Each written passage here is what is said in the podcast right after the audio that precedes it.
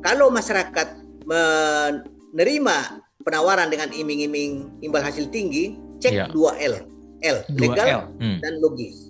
Hmm. Legal artinya cek izinnya, izin produknya, izin kegiatannya, izin badan hukumnya. Kalau nggak ada izinnya jangan diikuti lah, jangan diikuti. Oke. Kemudian logis, rasional imbal hasilnya. Kalau kita lihat tadi Pak Niki Hogan juga sudah mengatakan eh, suku bunga rata-rata deposito saat ini hanya contohnya 3 sampai 4 persen per tahun atau 5 sampai 5 persen per 6%, tahun. Ah, Sangat sangat tidak masuk akal kalau orang memberikan satu persen per hari. Tidak masuk akal, tidak Betul. mungkin.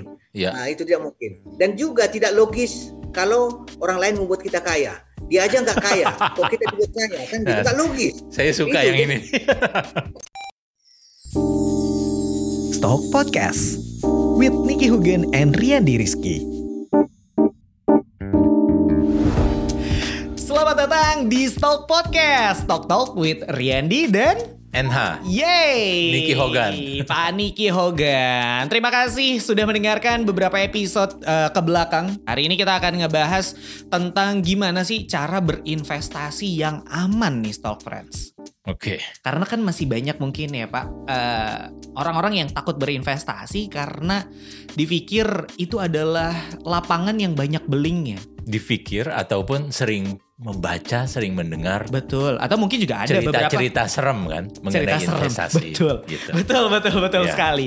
Nah, tapi sebenarnya eh, sekarang itu udah ada nih yang bisa mengawasi, yang bisa eh, tahu Iya. gimana eh, cara berinvestasi yang aman gitu ya, Hmm, Pak. Betul. Karena hari ini kita akan ngobrol-ngobrol barengan sama Ketua Satgas Waspada Investasi. Ada Bapak Tongam Tobing yang sudah terhubung lewat Zoom pada hari ini. Halo, selamat sore Pak Tongam. Sore, Selamat Pak. sore. Sore Pak. Tongam. Apa kabar Selamat Pak? sore, Pak. Kabar baik, Pak. Ah, Alhamdulillah. mantap. Luar biasa. Iya. Semangat ya. semangat selalu. Biar pandemi tetap semangat kita. Luar biasa udah standby juga lagi nih backgroundnya nih Pak Apalagi bicaranya satgas gitu ya. Satgas. Satgas, mah harus selalu hmm, oke. Oke, Satgas Waspada Investasi dari OJK gitu, Otoritas Jasa Keuangan yang diketuai langsung oleh Pak Tongam hari ini udah mau nih terima eh, ngobrol-ngobrol di Stall Podcast. Terima kasih ya Pak Tongam ya. Ya, Pak. Oke, langsung aja nih Pak Tongam, kita pengen tahu apa sih sebenarnya Satgas Waspada Investasi, terus dari tahun berapa nih berdirinya nih Pak? Ya, terima kasih Pak. Eh, Satgas Waspada Investasi ini selama ini memang banyak diasumsikan sebagai eh, tugas-tugas OJK. Mm-mm. Sebenarnya Satgas Waspada Investasi ini adalah lintas kementerian lembaga. Ada 13 kementerian lembaga saat ini yang menjadi anggota Satgas Waspada Investasi. Oh, Ada OJK sebagai ketuanya, kemudian ada Bank Indonesia, Kementerian Perdagangan, Kementerian Komunikasi Informatika, Kementerian Koperasi, kemudian Kementerian Dalam Negeri, kemudian juga Kementerian Agama, Mhm. Kementerian Pendidikan dan Kebudayaan, Mm. kemudian Riset, Teknologi, kemudian Kejaksaan, Kepolisian, BKPM, dan PPATK. Jadi Satgas ini merupakan forum koordinasi dalam rangka memberikan perlindungan kepada masyarakat. Ada dua tugas utamanya. Yang Mhm. pertama adalah dalam rangka melakukan kegiatan preventif terhadap investasi legal, yaitu kegiatan-kegiatan edukasi, sosialisasi kepada masyarakat untuk memberikan pemahaman kepada masyarakat Hmm. mengenai bagaimana mengenal produk-produk keuangan, kemudian bagaimana berinvestasi. Jadi ada peningkatan literasi masyarakat tentunya tujuannya. hmm. Yang kedua adalah dalam rangka penanganan pre- eh, represif. Kita melakukan penanganan-penanganan terhadap penawaran-penawaran investasi legal. Kami melakukan analisis, kemudian kami panggil para pelakunya, kemudian kita umumkan kepada masyarakat mengenai investasi-investasi legal ini apabila diduga tidak ada izin. Kemudian juga kami lakukan blokir situs web aplikasi melalui Kominfo dan juga kami sampaikan laporan informasi kepada uh, Bareskrim untuk dilakukan proses hukum apabila diduga ada tindak pidana di sana. Tujuan utamanya adalah dalam rangka perlindungan masyarakat terhadap penawaran-penawaran investasi legal yang sangat marak saat ini. Jadi kondisi yang saat ini kita lihat di masyarakat kita sangat banyak ragamnya, modusnya sangat banyak. Ada dari perdagangan, dari koperasi, forex, kemudian Hmm. kegiatan-kegiatan money game. Nah Ya. ini kemudian investasi-investasi yang tidak eh, legal tetapi menawarkan keuntungan yang sangat besar. Nah, ini yang menjadi tugas Satgas Waspada Investasi. Tetapi yang pasti adalah Satgas Waspada Investasi ini bukan OJK, tetapi 13 kementerian lembaga. Oh. Kemudian Oke. dia berdiri sejak 2007 uh, pada saat ada di Bapepam LK dulu. Jadi pada saat itu memang ditangani oleh Bapepam LK. Setelah OJK berdiri pada 2011 dengan Undang-Undang 21 2011, maka Satgas Waspada Investasi ini masuk ke OJK dan saat ini diketuai oleh OJK. Oh. Demikian, Pak. Oh. Ada rencana bergantian ketuanya, Pak, ke depannya atau selalu akan di OJK? Ya, berdasarkan nota kesepakatan antara 13 kementerian lembaga yang sudah ditandatangani, itu memang di sana ada kesepakatan agar ketuanya tetap dari OJK. Oh, Jadi oke. dan Oke. keanggotaannya pun tetap ditetapkan dengan keputusan Dewan Komisioner OJK. Oh. Hmm, oke. siap. Luar Udah- biasa. Udah Se- jelas sekarang. Sudah jelas. Ternyata lintas Lintas. departemen seperti itu. Aman lah kita. Yep. Ada Pak Tongam. Eh, Betul, Oke. betul sekali. Sudah didukung nih. Iya. Oke, eh, dari 2007 hingga saat ini total sudah ada berapa eh, kasus yang ditangani oleh Satgas Waspada Investasi nih Pak? Ya, kita lihat mungkin empat tahun terakhir saja ya. Boleh. Di 2017 Hmm? sampai dengan 2020 kemarin eh, sangat banyak sebenarnya yang dilakukan penanganan oleh eh, Satgas Waspada Investasi dan sangat beragam Hmm. termasuk juga fintech peer-to-peer lending ilegal Hmm. dan pergadaian ilegal. Pada 2017 kita menangani 17 79 entitas investasi legal, 2018 ada 106 investasi legal dan 404 fintech peer-to-peer lending ilegal, pinjaman online ilegal. Ya. Kemudian 2019 kita menangani 442 investasi legal dan 1493 fintech peer-to-peer lending ilegal dan ah, ini muncul lagi yang baru 68 pergadaian ilegal. Wah. Kemudian kalau- juga tahun 2020 ya kita juga menangani 349 investasi legal dan 1026 fintech lending legal dan 75 gadai ilegal. Luar nah, biasa. kenapa ada fintech lending ilegal ini? Karena memang fintech lending ilegal ini harus berizin dari OJK, termasuk juga pergadaian.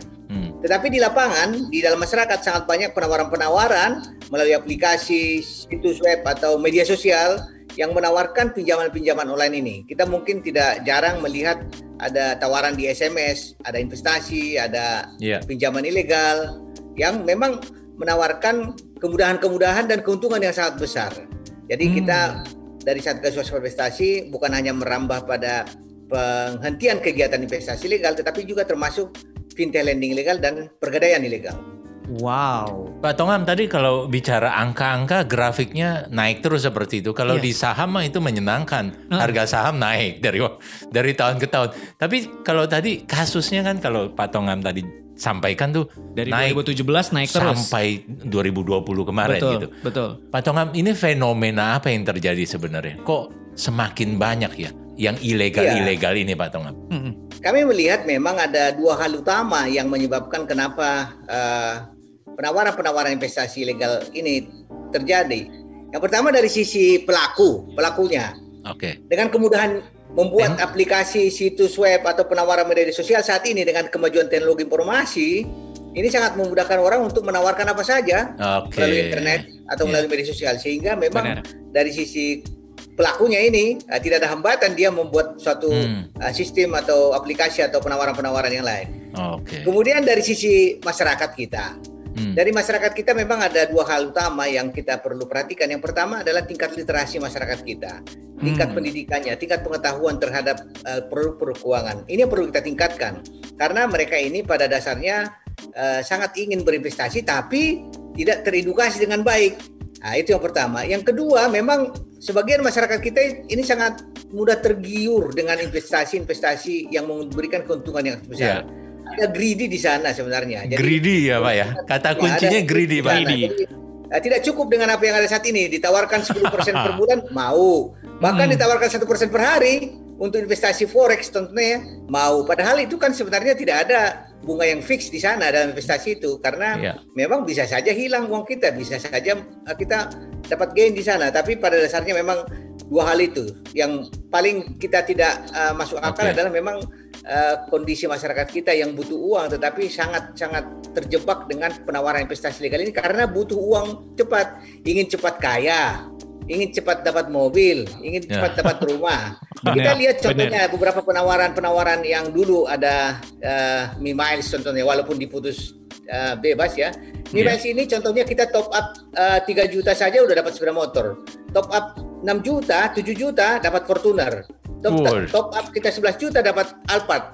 Dari mana uangnya kan gitu kan? Tetapi masyarakat kita ikut saja, ikut saja Iya. dan dan yang memang uh, satu strategi dari pelaku-pelaku ini adalah ada testimoni. Ada Ah. orang-orang yang memang dapat sengaja diciptakan seperti itu sehingga menjadikan orang lain wah si akan dapat benar-benar ini. Padahal itu sebenarnya ya keluarga dia, teman dia sebagai ini saja uh, pemancing bahwa uh, benar-benar kegiatan itu. Jadi ada Oh. rasa itu tadi ingin cepat kaya, ingin cepat dapat uang, dapat mobil walaupun tanpa bekerja malah. Iya. Nah, ini jadi Hmm. ini yang perlu memang kita paham. Dan Pak, Pak Tongam, kelihatannya sebagian masyarakat itu sebenarnya mereka juga tahu ini adalah ilegal.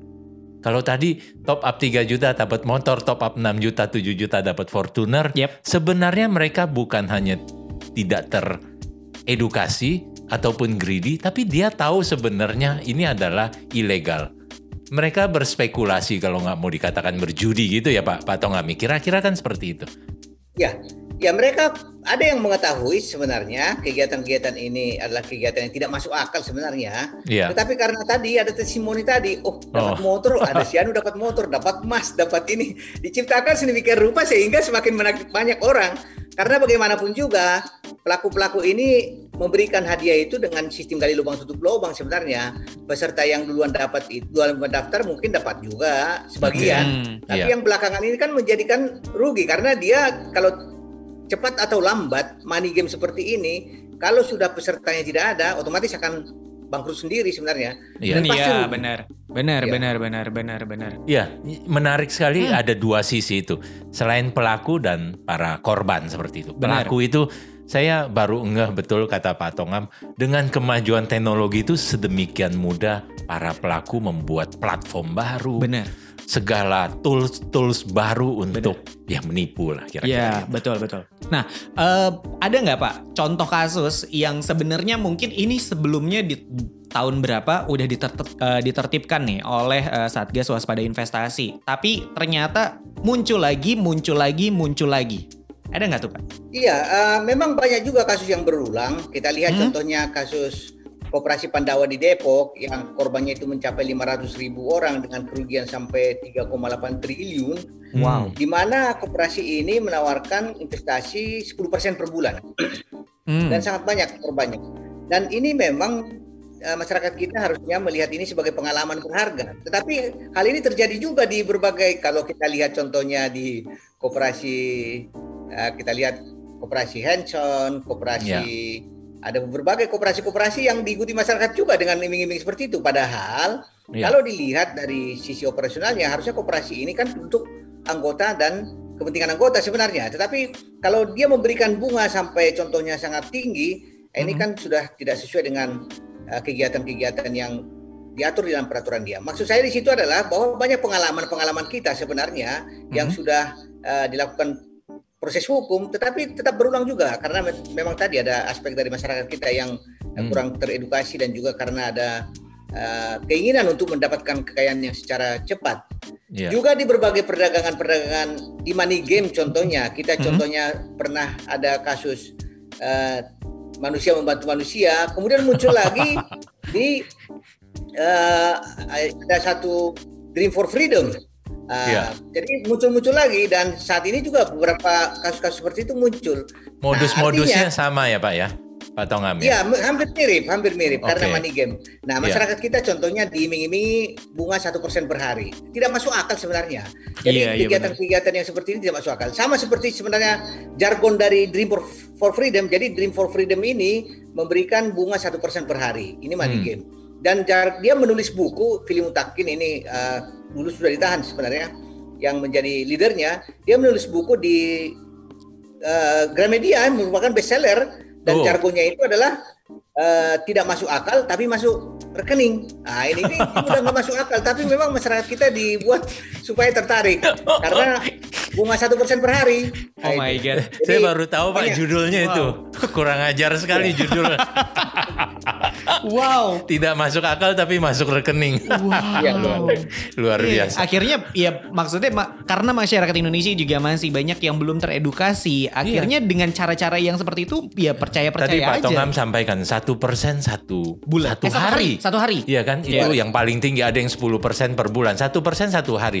Tabungan saya aja bunganya juga satu persen tapi per tahun. Per tahun. Jadi kalau ada yang nawarkan satu persen per hari, mbok ya ya gimana gitu loh, ya kan? Apalagi atau yang tadi 10 persen per bulan. ya. Deposito aja yang kita punya uang MM-an misalnya, deposito aja mungkin hanya dapat 5 persen, 6 persen Iya. Per tahun. tahun. Ini 10 persen per bulan. Jadi hal-hal yang tidak wajar seperti itu tadi Pak Tongam sudah sampaikan harusnya diwaspadai. Diwaspadai betul. Gitu. Nah, tapi sebenarnya apa nih yang sering eh, tim Satgas Waspada Investasi temukan kebiasaan buruk apa yang emang sering dilakuin sama masyarakat Indonesia nih, Pak? Iya, eh, masyarakat kita memang cenderung itu tadi eh, karena kebutuhan ekonomi, Hmm. kemudian atau karena memang ingin menge- meningkatkan penghasilan. Ingin Hal yang cepat. paling banyak yang terjadi di masyarakat kita adalah itu tadi sangat mudah tergiur bunga tinggi sehingga mudah kalau ada yang menjanjikan imbal hasil tinggi udah langsung Iya. nangkap aja langsung ikut ada janji di sana dapat eh, penghasilan satu persen per hari ikut ada di Iya. sini ikut gitu jadi memang sangat mudah tergiur dengan bunga tinggi karena memang eh, keinginan untuk mendapat hasil tanpa kerja itu masih melekat pada beberapa orang masyarakat Oke. kita di Indonesia. Ah, jadi kegiatan-kegiatan ini memang terdapat respon yang sangat tidak baik dari masyarakat Hmm. kita. Karena kita lihat penawaran investasi legal ini ada seperti supply demand sebenarnya. Kalau Hmm, demandnya ada pasti supply-nya akan jatuh, Be- nggak ada itu. betul. Iya, betul, jadi Pak, betul. ya mereka itu bekerja karena ada demandnya. Nah, ini Iya. juga ibarat menjala ikan sebenarnya. Pada saat Iya. pelaku ini menebar jala, kalau tidak ada yang ini yang terkena jala, ya pasti dia akan mati sendiri, nggak punya apa-apa. Tetapi Betul. kalau ada satu saja yang terjala atau ikannya masuk, nah yang kena ini menjadi tenaga pemasar yang sangat potensial bagi uh, pelaku ini. Pelaku ini kok ongkang-ongkang kaki saja menunggu Hmm. hasil. Nah, Hmm. tenaga pemasar ini masyarakat kita ini digunakan semakin banyak membernya, semakin banyak keuntungan uh, pelaku ini. Jadi uh, ibarat menjala ikan juga ini. Makanya Iya, iya. masyarakat Benar. juga jangan sampai terjala lah, terjerat artinya ya. Benar. Ya, Kemudian juga itu tadi saya katakan memang uh, masyarakat kita cenderung sangat mudah membuat keputusan, sangat cepat membuat keputusan. Hmm. Itu. Jadi tanpa pikir, tidak melihat dulu aspek risikonya. Ada orang cerita bagus langsung ambil keputusan gitu. Jadi Hmm. harusnya memang masyarakat kita dididik untuk selalu kritis terhadap uh, Ya. suatu penawaran-penawaran. Jangan langsung ditelan mentah-mentah. Artinya ada seleksi lah, ada seleksi. Seleksi Ya. dalam arti uh, untuk menyelamatkan aset dia. Pak, Pak Tongam, saya satu hal dulu.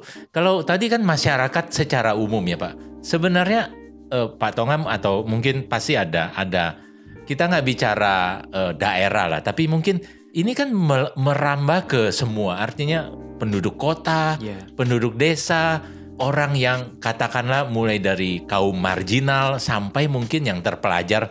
Pemetaannya tuh seperti apa Pak? Gambarannya. Jadi kalau saya misalnya oh, seorang ibu rumah tangga dianggap ah biasa kalau kena investasi yang bodong. Tapi banyak juga katanya kaum terpelajar juga jadi Tetap korban. kena. Iya. Ataupun orang nggak hanya orang kaya tapi orang yang miskin juga kena, yang di kota atau di daerah di di desa juga. Itu terjadi merata Pak seperti itu Pak. Ya, hampir merata karena kita lihat dari sisi pelaku, pelaku ini tidak mesti orang-orang pintar sebenarnya. Orang-orang yang nggak sekolah juga Hmm. bisa menjadi pelaku seperti kita lihat contohnya di Koperasi Pandawa Depok itu yang memberi bunga 10% per tahun dengan kerugian sampai 3,8 triliun itu itu nggak tamat SD sebenarnya nggak tamat SD dia tetapi dia di didaulat menjadi orang yang sangat berhasil bisa membangkitkan perekonomian Indonesia dengan memberikan bunga itu dan ini Pak eh, Tongam. kegiatan Kasih bocoran Ya. dong, dia nggak lulus SD, tapi dia menipu sampai S2, S3 nggak Pak Tongam?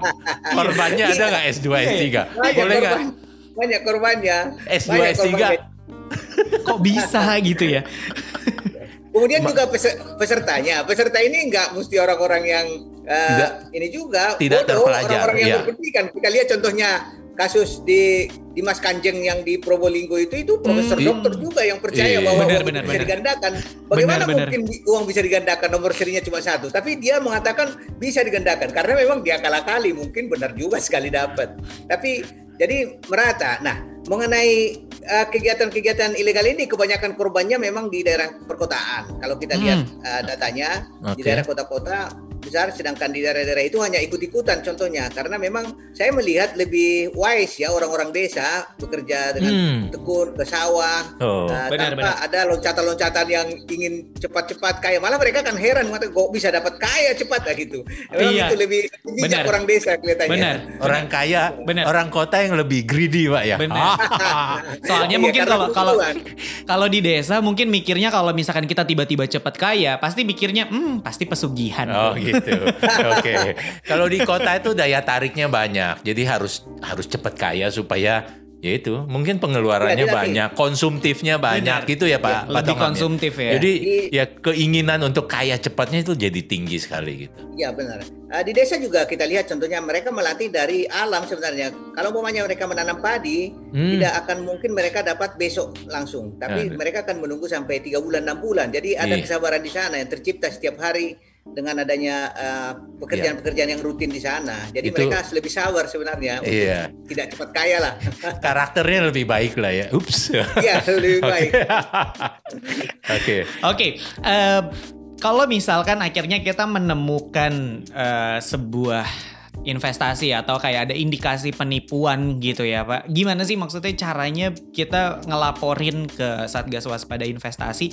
Contoh nih ya Pak, ini saya di di chat saya di SMS ini saya sering banget dapat Bapak Ibu yang lagi butuh biaya tambahan untuk usaha dan lain-lain, kami siap melayani Anda dengan bunga 2% per tahun, minimal 5 juta sampai 500 juta. Untuk info di WhatsApp di 08 sekian sekian sekian sekian. Nah, kayak gitu gimana tuh, Pak? Iya, pertama-tama kami sampaikan sebenarnya eh, pengendalian dari diri kita sendiri dulu sebenarnya. Kita Mm-mm. blokir, kita blokir Mm. saja.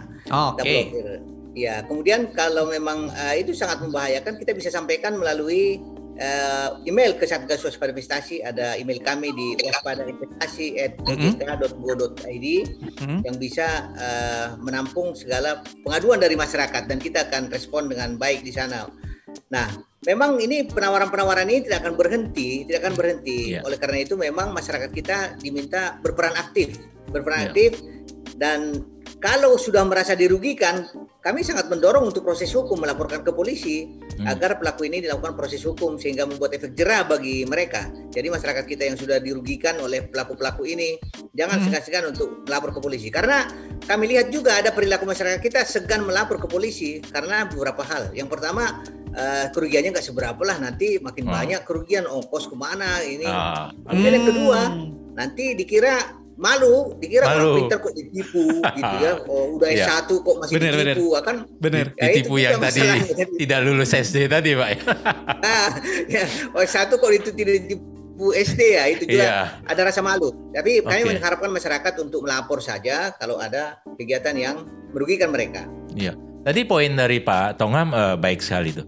Jadi tawaran-tawaran seperti itu langkah pertama kalau kita rasa itu tidak masuk akal blok Di blok aja. di blok Bener. itu karena itu kadang-kadang kan kalau kita lagi waras kita lagi pikirannya lurus Mm-mm. ada satu saat di mana kita BU dan lain-lain mungkin kita jadi tergoda Bener. untuk eh, menjajaki tawaran-tawaran Bener sih. aneh itu jadi lebih Bener, baik bener. blok Bener. Iya, tapi meskipun lu eh, gua N Iya. Gitu Ta- istilah Tapi kadang Oh. eh, ya si para penipu-penipu ini Iya. tuh dia punya segala macam cara Betul. gitu. Nomornya pun gak cuma satu. oh iya blok terus kita Iya kan? gitu ya Pak Tongam ya dia punya Iya. berbagai cara kita blok terus saja seperti itu itu itu tindakan dari kita pribadi nih maksudnya Iya. sebelum itu terjadi gitu Iya. ya. Tapi kalaupun memang terjadi berarti Oke. tadi caranya adalah dengan uh, Menghubungi. langsung menghubungi ke Satgas Waspada Investasi lewat email gitu ya, Pak. ya Iya, Pak. ada ada hotline juga kan Pak Ada Pak hotline Tongam juga ya? ya? hotline untuk bisa Ya, ada hotline di 157 bisa Pak di OJK dan juga Mhm. bisa di eh, email waspadainvestasi.go.id. Oke, atau Oke. 157 hotline. 157 tuh Gampang banget. Ya. Ya. Itu OJK, hotline OJK. Oke. Iya, benar. Jadi bisa bisa langsung eh, teratasi lah kalau misalkan lewat Langsung hotline lebih cepat lah. Iya. Langsung lapor, langsung Iya. tanya gitu. Benar, ya. benar, benar, benar. Iya. Oke, jadi eh, kayak gitu tuh Talk Friends. Lo kalau misalkan eh, ngelihat sesuatu yang kayaknya nggak wajar, Ditawarin. ditawarin kayaknya ini kok bisa tiba-tiba gede Iya. banget dan Iya, itu perlu waspada tuh. betul. Yang Iya. tawarin kan juga nggak cuman kadang-kadang dari handphone dan lain-lain. Kadang-kadang teman-teman kita, keluarga kita, Iya, ya kan? bener, Pak. Itu saudara family kita tawarin. Itu itu Bener. mereka juga harus harus kita mungkin lindungi tadi ya. Oh, kita coba cross check dulu ke 157. Iya, betul. Bisa ya Pak ya maksudnya lewat eh, 157 kita cuma cross check juga pun bisa ya? Bisa seperti itu. Ya. Oh, oke. Eh, terus berarti kalau kalau kalau di 2020 dan sekarang di awal 2021 nih Pak, menurut Pak Tongam ada modus baru yang jadi tren nggak nih? Yang perlu mungkin kita ketahui dan akhirnya kita waspadai nih Pak. Pak Tongam saya eh, melanjutkan itu, saya baru dengar yang pegadaian itu Pak, yang pegadaian ilegal itu. Mungkin Pak Tongam bisa cerita karena Boleh. ternyata itu malah jadi modus yang baru Pak. Hmm. Ini teman-teman milenial yang suka ke pegadaian, suka gadein barang. Bener. Nah ini bisa dengar juga nih, ini ada pegadaian, pegadaian il- ilegal itu. Monggo Pak Tongam.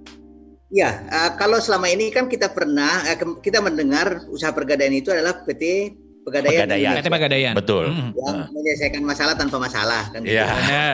mestinya. Mestinya. Ya. Sekarang ini pegadaian swasta sudah banyak Oke. yang muncul dan mendapat izin dari OJK. Namun demikian seiring dengan waktu banyak juga pergadaian ilegal. Kalau kita lihat contohnya di sekitar-sekitar kampus, di sekitar-sekitar pusat perbelanjaan, itu pasti ada gadai-gadai-gadai yang ilegal, gadai handphone, gadai laptop, ya bahkan gadai apa pun yang ada, gadai celana juga boleh. Nah itu kalau mahasiswa kan biasa seperti itu untuk malam mingguan kan apa pun digadaikan. kalau kami dulu waktu, Oke. dulu. Nah, pegadaian Oke. ini, pegadaian ini sangat berbahaya kalau ilegal. Karena apa? Karena beberapa hal. Yang pertama, nilai barang kita bisa ditaksir tidak sesuai dengan yang sebenarnya. Yang kedua, kita membayar bunga yang sangat tinggi. Yang Oh. ketiga, bisa barang kita ini digelapkan, bisa dibawa lari sama dia atau digunakan. Nah, kondisi ini kan membuat kita harus hati-hati. Oleh karena itu, kalau eh, masyarakat ingin melakukan penggadaian dengan jaminan barang, usahakan pada pergadaian yang terdaftar di OJK. Dan daftarnya bisa dilihat di website ojk.go.id. Tuh. Jangan sekali-sekali menggunakan pergadaian ilegal. Kan sangat diru- dirugikan, sangat dirugikan. Ya, dirugikan. Nah itu, nah itu kalau dari pegadaian. Kalau dari segi modus yang lain nih Pak, yang eh, Pak Tonga melihat beserta, eh, beserta kawan-kawan gitu ya di di 2020 dan sekarang di awal 2021 apa nih tren nih yang perlu kita ketahui eh, modus baru terutama apa? terutama kalau milenial tuh yang fintech fintech kan. Fintech bener. Mung- mungkin ya fintech Mungkin. fintech pak eh, pak Tongam Apa yang Iya. modus-modusnya apa yang ditemui Pak? iya Ya, eh, di sisi penawaran investasi-investasi legal memang yang kita temukan saat ini yang banyak itu adalah penawaran perdagangan forex sebenarnya, terutama perdagangan forex dari luar negeri. Jadi Ah. kegiatan-kegiatan mereka ini ditawarkan Indonesia, mereka punya representatif di sini melakukan perekrutan anggota di sini dengan membayar melakukan penawaran dengan bunga fix, padahal harusnya tidak tidak seperti itu. Jadi ada yang menawarkan satu persen per hari, dua persen per hari. Nah, Hmm. ini sangat mengkhawatirkan kita. Kemudian juga kita melihat ada skema-skema ponzi, modus penjualan saham contohnya. Hmm. Saham, tapi bukan saham yang dijual, tapi diberikan dengan investasi, memberikan bunga. Nah, saham yang dijual tapi dikasih bunga. Ini juga Iya. masyarakat kita harusnya jeli. Ada Iya. contohnya beberapa perusahaan itu, itu ada yang kita sudah hentikan ya, ada Nusa Profit, Duta Profit, kemudian Oke. ada juga yang seakan-akan dia merupakan eh, perusahaan legal, contohnya Mandiri Fin- Financial. Padahal sebenarnya tidak.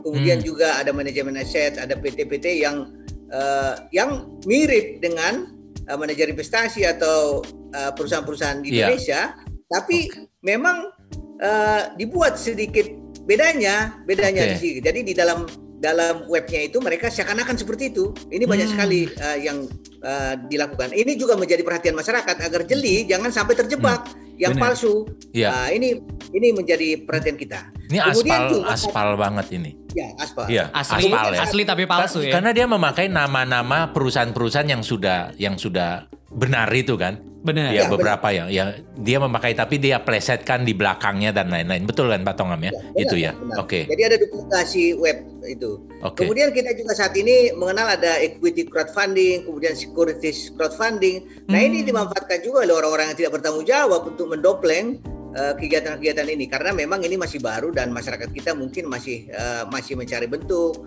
Tapi pada dasarnya masyarakat kita kita un- ajak untuk tetap mencari eh, informasi sebanyak mungkin sebelum Hmm. melakukan kegiatan-kegiatan eh, ini. Seperti Ya. juga kita lihat contohnya dulu ada Joska ya. Ini juga menarik ini. Penasihat investasi ini kelihatannya sangat eh, sangat menarik karena Yap. mereka itu bisa mengarah kepada penasihat keuangan ya, bisa mengarah kepada penasihat investasi bahkan ke manajer investasi yang diatur di Undang-Undang Pasar Modal Ah, seperti Jaus Joska yang pada beberapa waktu lalu kita hentikan dan kita Ya. eh, saat ini juga sampaikan laporan informasi ke kepolisian. Mudah-mudahan juga dilakukan penyidikan di sana. Nah, Hmm. Kegiatan ini pasti banyak. Dia berkedok seperti penasihat keuangan, tetapi juga mencampuri uh, itu investasi para uh, milenial ini, Oke. nasabah ini.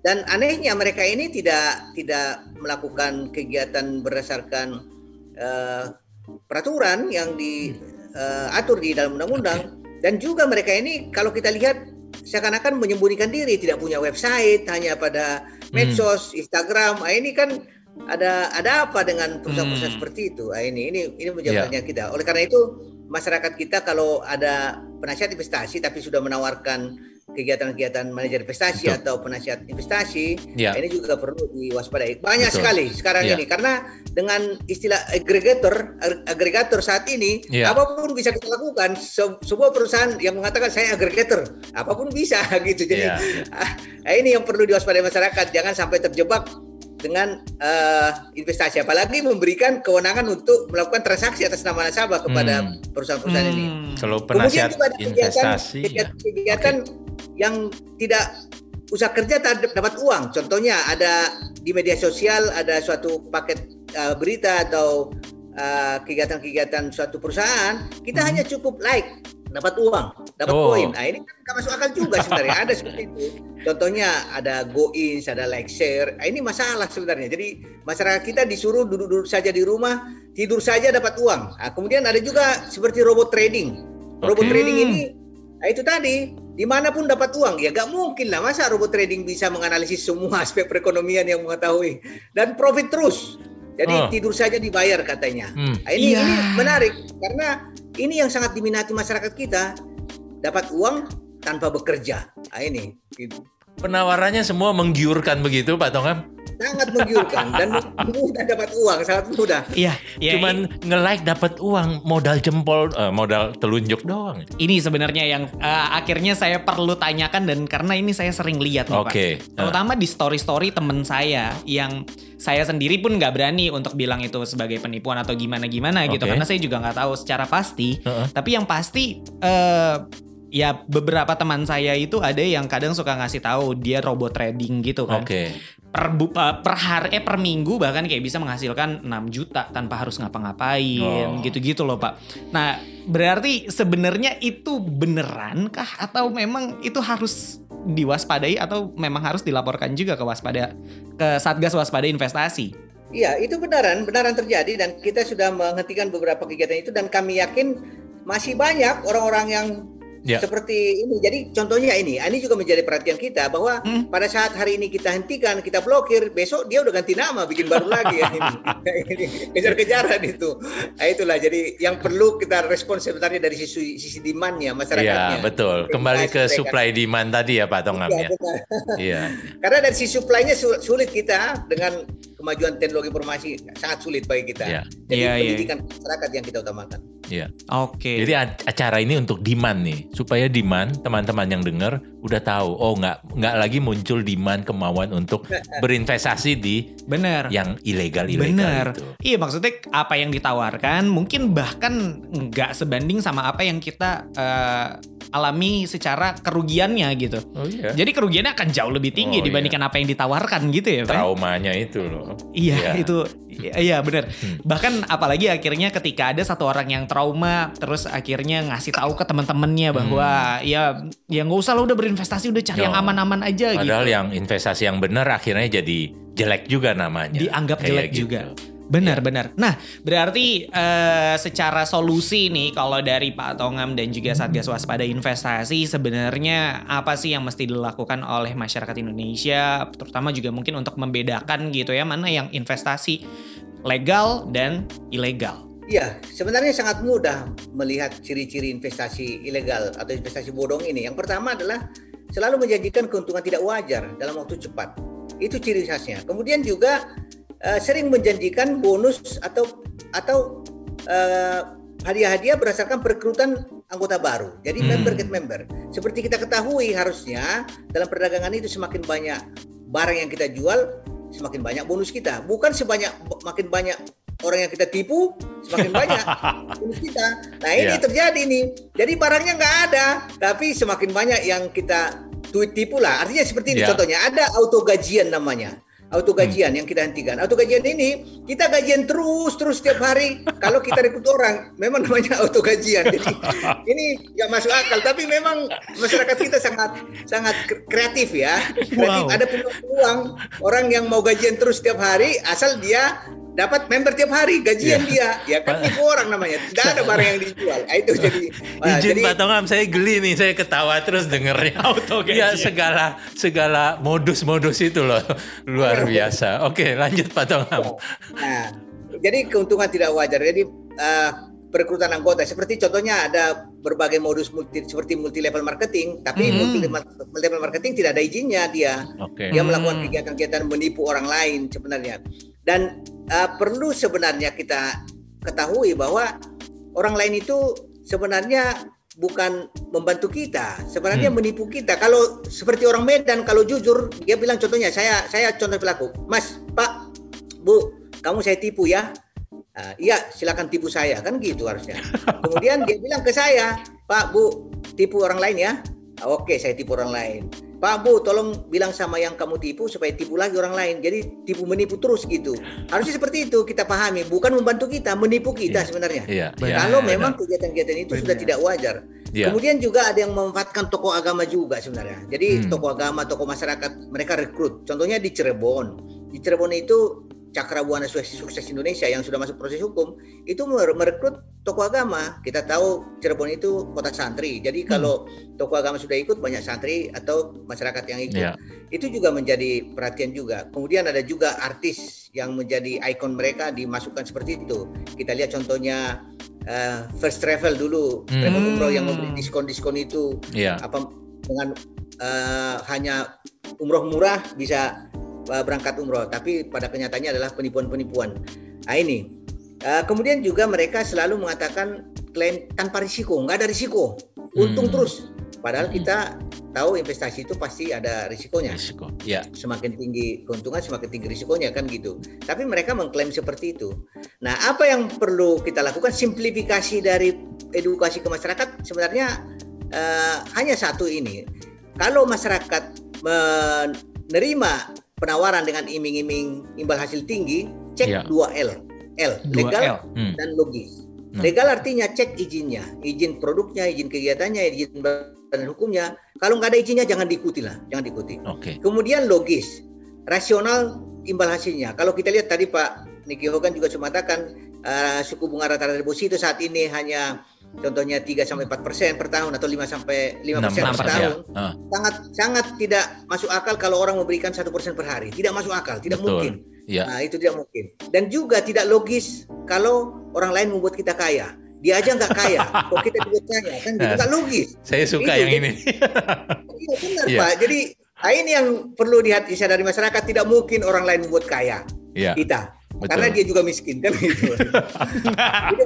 Bener, bener sekali Jadi Pak Tongam. dua dua L itu Dua L. itu sangat simpel Pak Pak Tongam terima kasih dua L-nya itu. Iya. Satu legal. Yep. Legal kalau kita cek izin dan kita juga bisa cross check melalui OJK. eh, OJK. Iya. Rasanya seperti itu lewat Satgas tadi 157. 157 ya Pak? Betul. Iya, Ki- benar, Pak. Kita bisa cek lewat 157 dan yang kedua tadi kita sendiri udah menilai logis enggaknya Logis tadi. atau enggaknya Itu benar. udah paling mudah. Termasuk yang tadi yang terakhir. Benar. Benar. Masa sih dia mau bikin kita kaya padahal dia masih nggak kaya-kaya gitu ya Pak Iya. Tongam? Bener, bener, bener. Nah, terakhir nih mungkin ya Pak, dari sekian banyak cerita-cerita yang tadi sudah eh, diceritakan oleh Pak Tongam, kasus-kasus yang ditangani gitu. Nah, gimana caranya kita bisa tetap yakin bahwa kita berinvestasi dengan aman, Pak? Dengan aman dan di jalur yang benar di gitu jalur ya kira-kira benar, gitu ya. Iya, dan Oke. dan tentunya juga kita Oh, dijaga oleh regulator. Oke. Gitu. Kita pengen tahu nih gimana Ini kalau pertanyaan pamungkas ini. ya dari Luar Pak Tongam. biasa,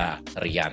Eh, memang kalau kita bicara investasi ini sangat banyak luas sekali cakupannya. Ada kalau istilah di investasi di Satgas Waspada Investasi, Hmm? perdagangan pun kita masukkan dalam investasi, koperasi pun kita masukkan investasi, Oke. arisan online pun masuk juga Oke. eh, investasi ilegal. Jadi memang hal yang utama kita lihat adalah kalau melihat ada eh, investasi-investasi penawaran investasi agar contohnya kalau dia di perdagangan dicek di dinas perdagangan atau kementerian perdagangan. Kemudian Oke. kalau dia koperasi cek di kementerian koperasi karena sangat banyak berkedok koperasi saat ini eh, melakukan penipuan-penipuan dengan Hmm. merekrut anggota untuk menawarkan produk-produknya. Jadi yang paling paling penting pada masyarakat kami sampaikan adalah tolonglah disiapkan waktu contohnya 10 menit saja. Ya. 10 menit saja. Kalau ada penawaran jangan langsung ditangkap, Hmm. tapi cek dulu semua keberadaan legalitasnya, kemudian juga eh, keabsahannya. Contohnya juga kita lihat contohnya ada kampung kurma dulu di Bogor.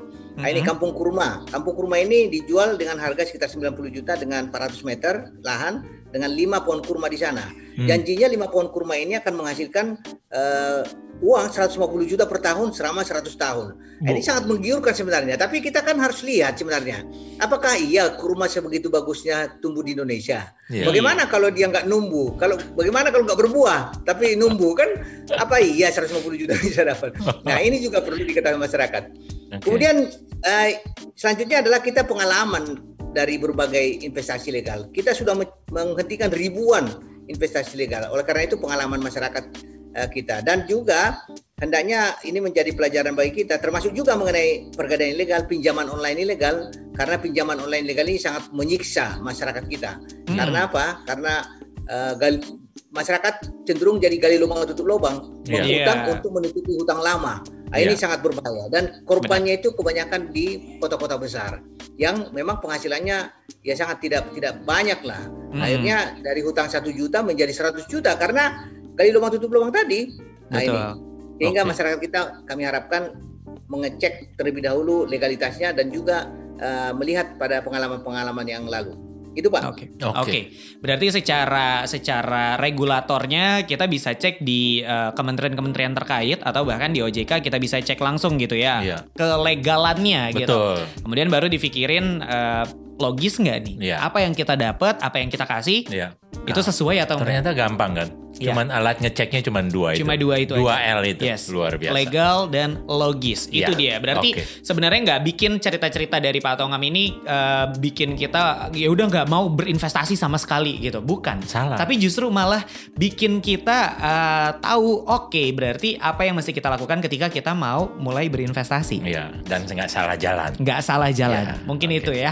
Oke, terima kasih banyak buat Pak Tongam selaku ketua dari Satgas uh, Waspada Investasi yang udah ngobrol-ngobrol hari ini. Terima kasih banyak. Luar biasa cerita-ceritanya loh. Iya. Pak Tongam terima kasih banyak Pak. Salam Terima kasih, Pak. sehat, sukses. Sehat-sehat terus ya Pak ya. Terima kasih Pak.